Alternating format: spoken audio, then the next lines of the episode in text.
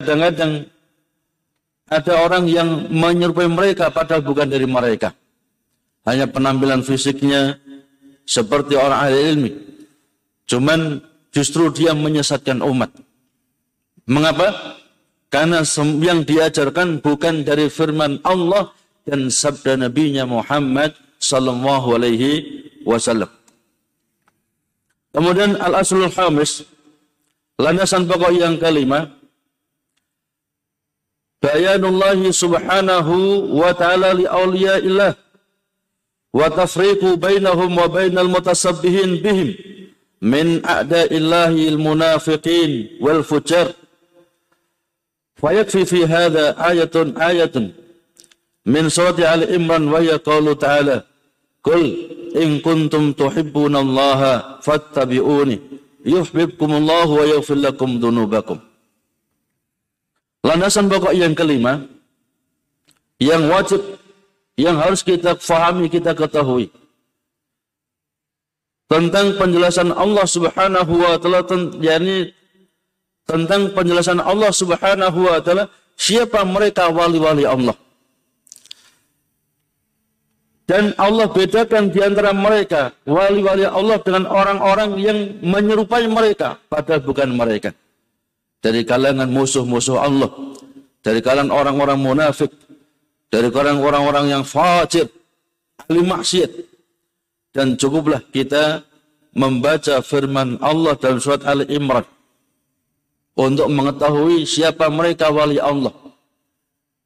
Allah telah berfirman di dalam surat Al Imran ayat 31 kul in kuntum tuhibbunallaha fattabi'uni yuhibbukumullah wa yaghfir lakum dzunubakum.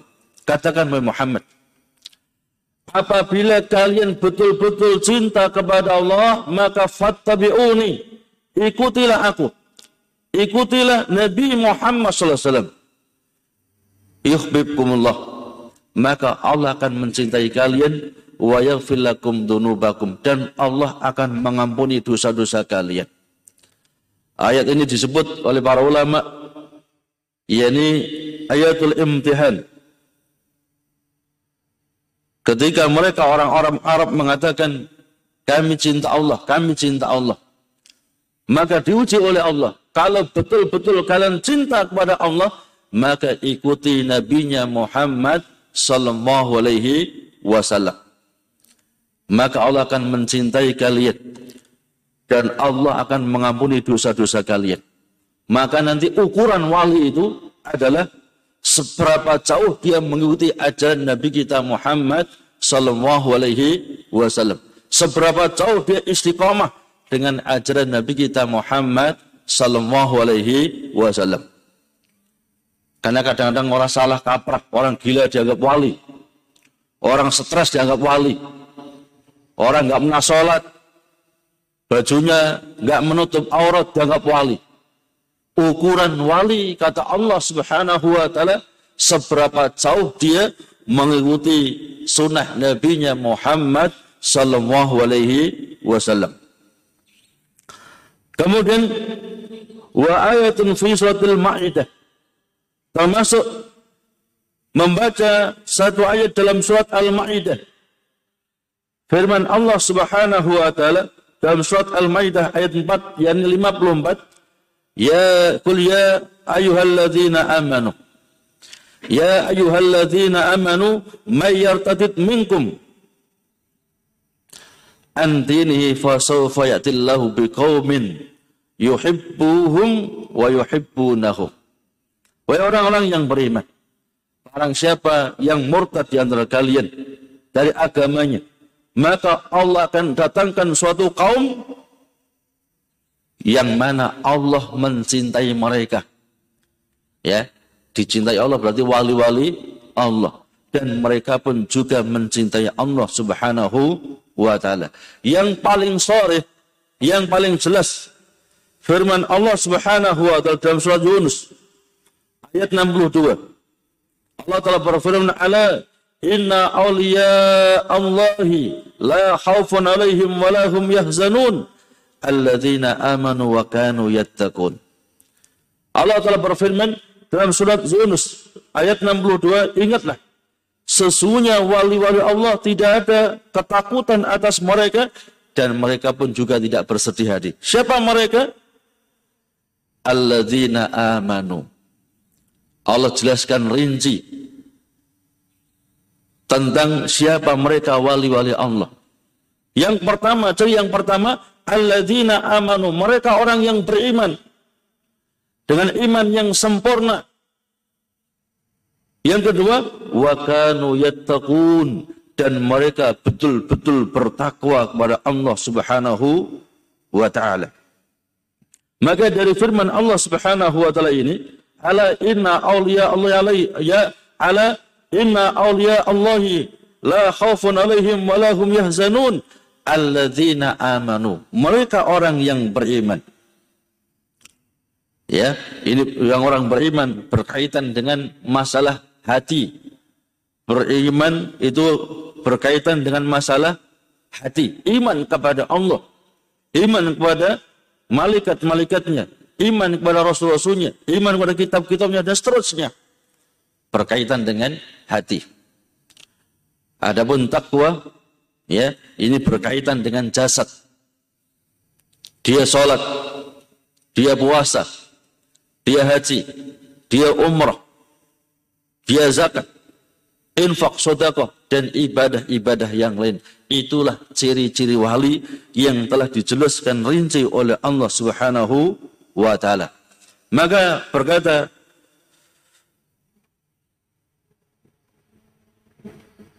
Al-Imam Muhammad Ibn Abdullah At-Tamimi melanjutkan penjelasan beliau.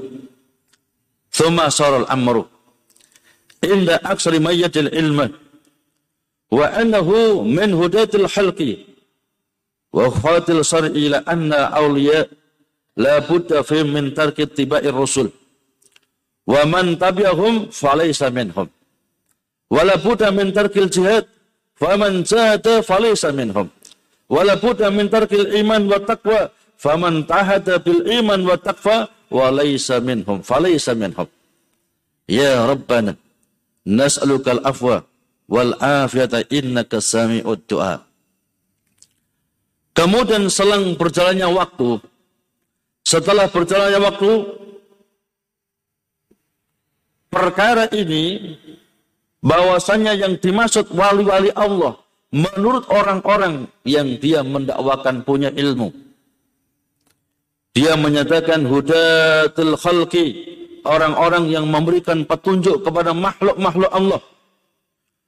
Hufadul syar'i menyatakan orang-orang yang menjaga syariat Allah. Mereka punya pemahaman, punya keyakinan ila annal awliya la buddha fi min rusul. Yang dimaksud wali itu orang yang harus meninggalkan jalannya para rasul. Jadi definisi wali yang sebetulnya jelas dijelaskan rinci oleh Allah. Mereka orang yang beriman dan bertakwa cuman setelah berjalannya waktu. Ya, orang-orang yang dia mendakwakan punya ilmu, orang-orang yang mengatakan orang-orang yang memberikan petunjuk pada makhluk Allah menjaga syariat justru malah terbalik. Pemahamannya itu terbalik. Wali itu orang yang harus meninggalkan jejaknya para rasul. Kalau mengikuti jejaknya para rasul, masih sholat, masih puasa, masih zakat, dan ibadah-ibadah yang lain, tidak termasuk wali. Ya, sehingga ada istilah syariat, ma'rifat, hakikat. Ya, itu aliran yang paling sesat itu. Maka jangan sekali-kali dekat-dekat dengan orang yang punya pemahaman semacam ini. Ya, karena seluruh ulama kita sepakat, nggak ada khilaf, ijma. Orang yang menyatakan dia sudah khululiyah, menyatakan bersatu dengan Allah, menyatakan dia telah mencapai derajat hakikat. Ya, karena orang Jawa kalau ngomong hakikat nggak bisa, hakikat. Ijma mengatakan orang ini murtad. Jadi nggak ada khilaf itu. Ya, kalau ada orang menyatakan dirinya telah bersatu dengan Allah, seluruh ulama kita seantero jagat ini menyatakan orang itu keluar dari agama Allah. Mana mungkin Allah bersatu dengan makhluknya? Ya, sehingga dia nggak boleh ya, ya adapun saya nggak boleh sholat. Bagaimana sholat? Oh, saya sudah bersatu dengan Allah. Ini pemahaman yang sangat sesat. Maka Al-Imam Muhammad Ibn Abdul Wahab At-Tamimi menjelaskan tentang hal ini. Ya, bahwasanya menurut orang-orang yang menyangka dirinya punya ilmu, menyangka dirinya memberikan petunjuk kepada hamba-hamba Allah, menyangka dirinya menjaga syarat Allah. Mendefinisikan wali-wali Allah itu orang yang harus meninggalkan jalannya para rasul. Kalau masih mengikuti jalan rasul, belum masuk derajat wali. Ya, makanya orang gila, stres, dianggap wali. Ini ya, pemahaman sesat semacam ini. Wala budda min tarkil jihad faman jahata falaysa minhum. Yang dimaksud wali itu harus meninggalkan jihad fisabilillah. Kalau masih jihad berarti belum sampai derajat wali. Wala budda min tarkil iman wa taqwa Faman ta'ahada bil iman wa taqwa falaysa minhum.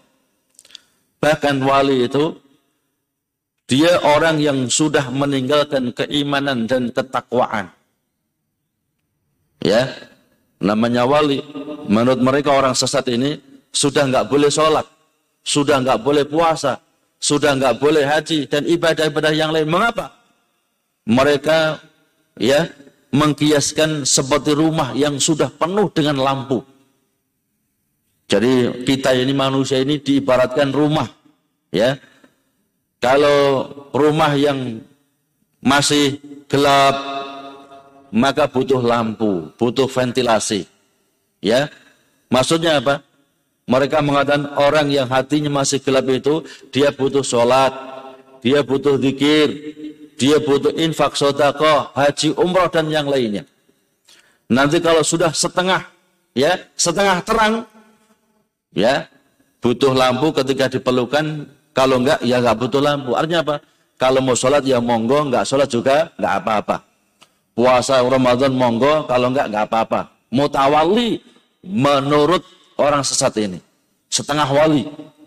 Tapi kalau yang paling tinggi, ya, Hakikat itu seperti rumah itu sudah sangat terang, benderang.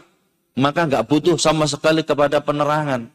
Ya, nggak butuh sholat, nggak butuh puasa, nggak butuh haji, nggak butuh umroh, nggak butuh infak sodakoh. Ya, mengapa? Karena menganggap dia telah bersatu dengan Allah, terang benderang, nggak butuh lampu, nggak butuh penerangan, nggak butuh sholat, nggak butuh ibadah yang lain. Inilah ya keyakinan-keyakinan yang menyimpang dari ajaran Islam. Ya.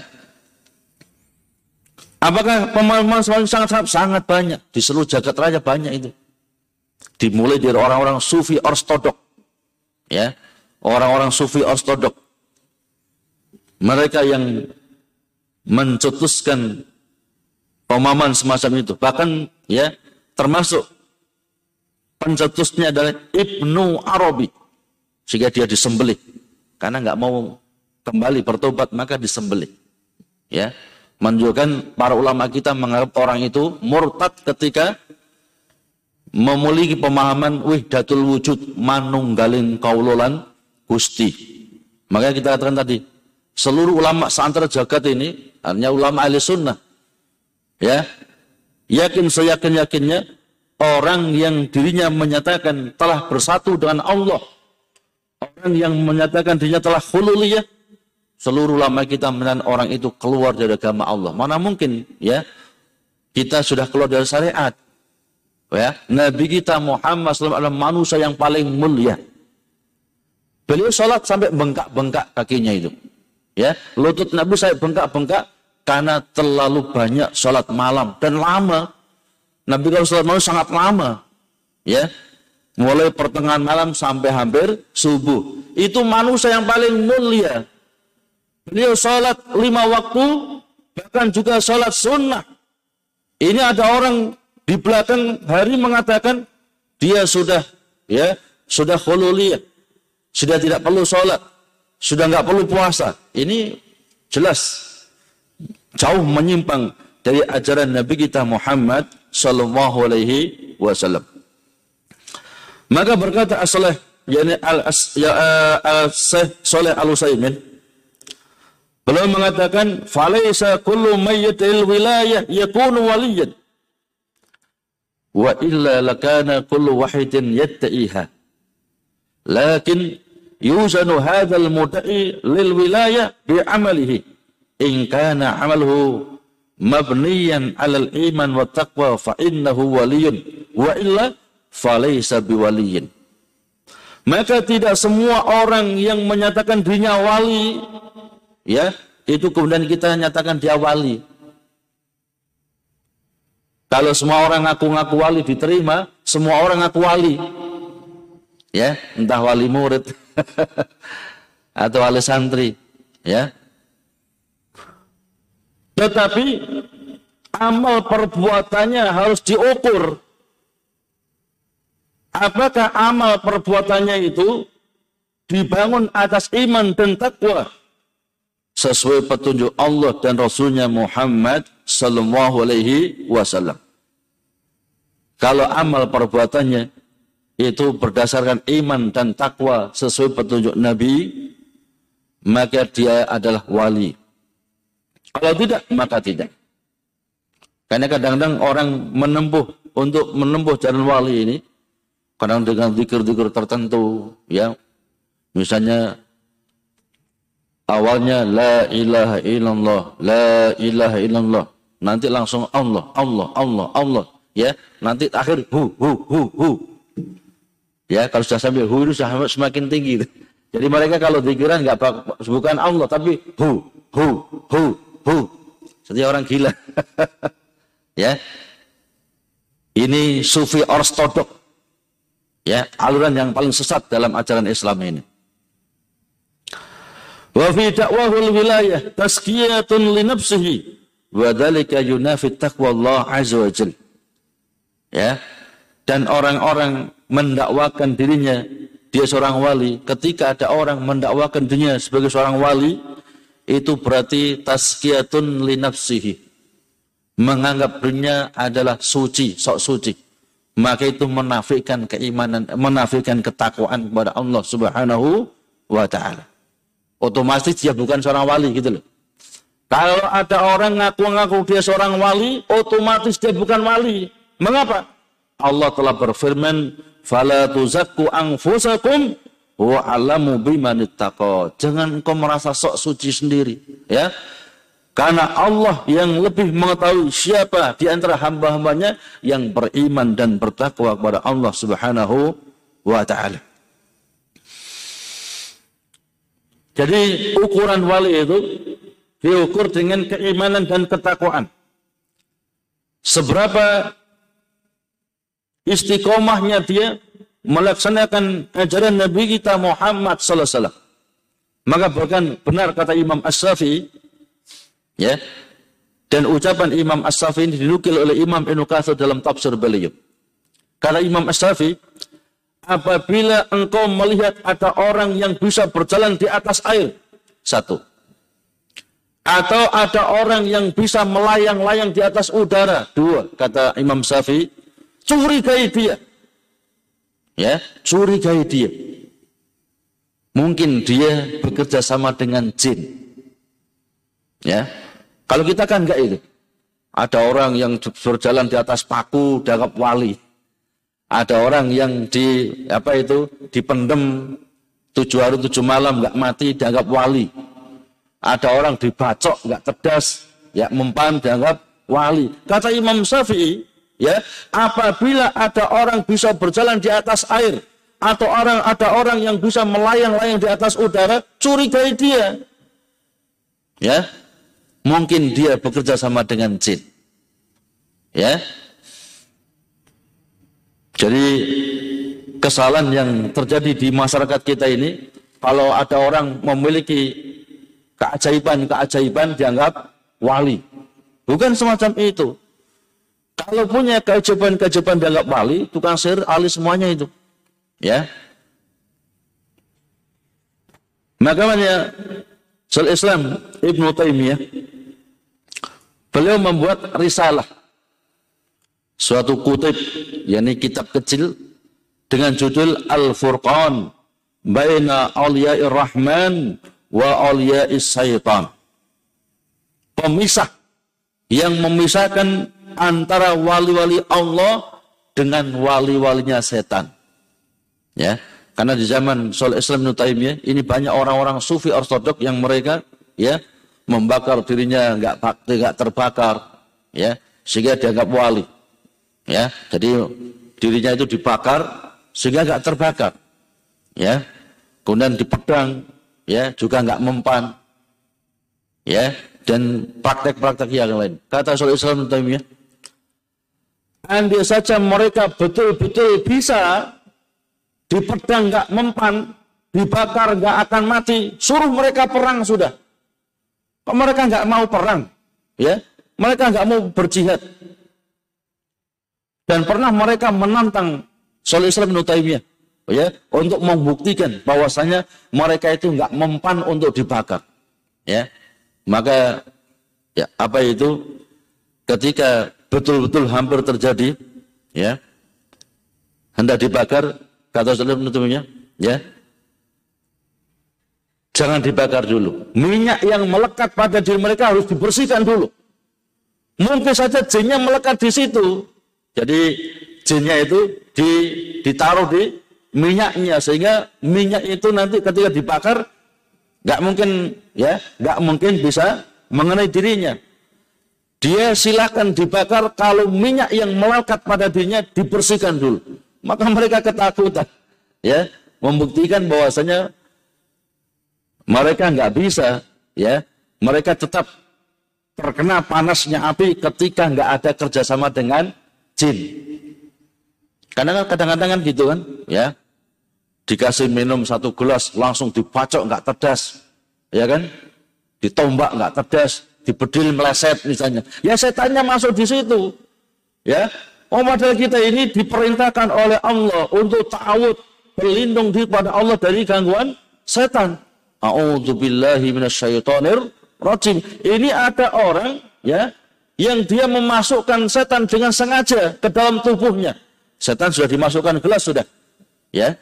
Sudah tinggal minum sehingga kadang-kadang mau ya mau apa ya panutannya kasih air, air minum dulu, minum dulu. Setannya masuk semuanya sudah, ya, dikasih tempat. Lawan kita ini diperintahkan untuk istiadah bila berlindung kepada Allah dari gangguan setan, ini malah aneh ini. Setan suruh masuk kepada dirinya, kan aneh. Ya, sehingga begitu minum satu gelas air dibacok nggak cerdas. Ya, ditombak nggak apa-apa, dibakar juga nggak apa-apa. Ya, Coba dibacakan Al-Quran, langsung lempang dia. ya kan? Mengapa? Setannya nggak akan mampu. Ya. Cuman yang baca tentunya orang yang iman dan ber, bertakwa. Karena kualitas bacaan Al-Quran itu berbeda. Ya. Melihat siapa yang membaca. Ya. Jin kafir itu ketika melihat sandalnya Imam Ahmad itu sudah ketakutan. Belum orangnya. Melihat sandalnya sudah ketakutan itu. Mengapa? Karena sandal yang senantiasa digunakan untuk taat kepada Allah Subhanahu wa taala. Ada efeknya. Ya. Jadi apa itu jin-jin yang kafir baru melihat sandalnya Imam Ahmad sudah ketakutan. Ya, belum orangnya sendiri. Ya, itu memberikan faidah barang-barang yang kita gunakan ketaatan kepada Allah itu memberikan faidah yang baik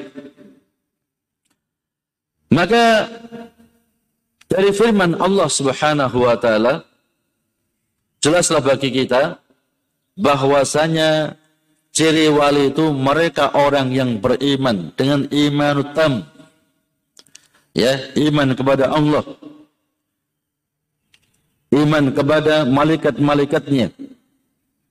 Iman kepada kitab-kitabnya rasul-rasulnya. Iman kepada hari akhir dan iman terhadap takdir yang baik, yang buruk yang menimpa kepadanya. Artinya iman itu berkaitan dengan keyakinan dalam hati. Adapun takwa itu berkaitan dengan jawarih. dengan anggota badan. Ucapannya baik, tutur katanya benar, ya. Kemudian dia juga sholat, dia juga puasa, dia juga ya ini melaksanakan ibadah haji umroh dan ibadah-ibadah yang lain. Maka ketika ada orang ya menganggap atau menyatakan dirinya wali, ya, sedangkan dia nggak pernah sholat, kita lihat dia nggak pernah ya puasa, auratnya juga terbuka, ini jelas penyimpangan. Ya kan? Beberapa waktu yang lalu kan ada orang yang yang gila, ya, pakaian aja nggak bisa menutup aurat dianggap wali. Ya, kalau datang langsung nyium-nyium masuk masya Allah. Ciumnya bukan gini, bolak balik, bolak balik. ya, dibolak balik. Ya, pakai rokok lagi. Jadi orang yang sudah gila, pakainya nggak nutup aurat, rokokan lagi. Ya, kemudian dianggap wali. Semua orang menciumnya, macam-macam. Ini adalah pemahaman yang sesat, yang menyimpang. Karena kriteria wali telah disebutkan oleh Allah, mereka orang yang beriman dan mereka orang yang bertakwa. Artinya, wali itu tidak terbatas hanya 20 orang, hanya 30 orang. Seluruh orang yang beriman itu wali-wali Allah. Cuman derajat mereka tentunya berbeda sesuai dengan keimanan dan amal soleh mereka.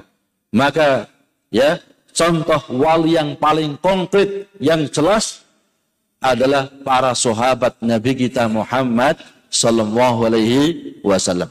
Maka ketika kita ingin menjadi hamba-hamba Allah yang dicintai oleh Allah, wali-wali Allah, ikutilah jejak mereka para sahabat Rasulullah Sallallahu Alaihi Wasallam. Karena mereka contoh yang konkret dari wali-wali Allah. Dan perlu difahami jamaah rahimahullah, ya, wali itu tidak maksum. Ya, wali itu tidak maksum. Mereka bisa berbuat salah. Mereka bisa ya berbuat tergelincir dalam kesalahan, kekeliruan. Sekaligus wali itu tidak memiliki baju yang khusus atau ya penampilan-penampilan khusus tidak. Ya. Jadi wali itu mereka tidak maksum. Makanya para nabi dan rasul itu lebih mulia dibandingkan wali selain para nabi dan rasul. Makanya Allah Subhanahu wa taala berfirman ya di dalam Al-Qur'anul Karim dalam surat An-Nisa ayat 69 wa may yuti'illaha war rasulah faulaika ma'alladzina an'amallahu alaihim minan nabiyin. Sebutkan yang pertama minan nabiyin. Dan nabi dan rasul itu lebih mulia dibandingkan wali-wali selain nabi dan rasul. Yang kedua wasiddiqin. Yang ketiga wasuhada. Yang keempat wasalihin. Ya, wa has wa hasuna ulaika rafiqa. Jamaah rahimakallah, waktu telah habis. Jadi insya Allah tinggal satu pertemuan lagi, yakni Al-Asusadis, landasan pokok yang keenam. Dan setelah ini insya Allah kita akan, kalau selesai, kita akan ganti dengan kitab Lum Atul I'tiqad insya Allah. Ya, yang ditulis oleh Imam Ibnu Qudamah. Jadi ketika nanti ya tinggal satu pertemuan, insya Allah selanjutnya akan kita ganti dengan kitab Lum Atul. Jamaah rahimahullah. Demikian mudah-mudahan bermanfaat kita tutup dengan doa kafaratul majlis. Subhanallah. Asyhadu an la ilaha illa anta astaghfiruka wa atubu ilaik. Assalamualaikum warahmatullahi wabarakatuh.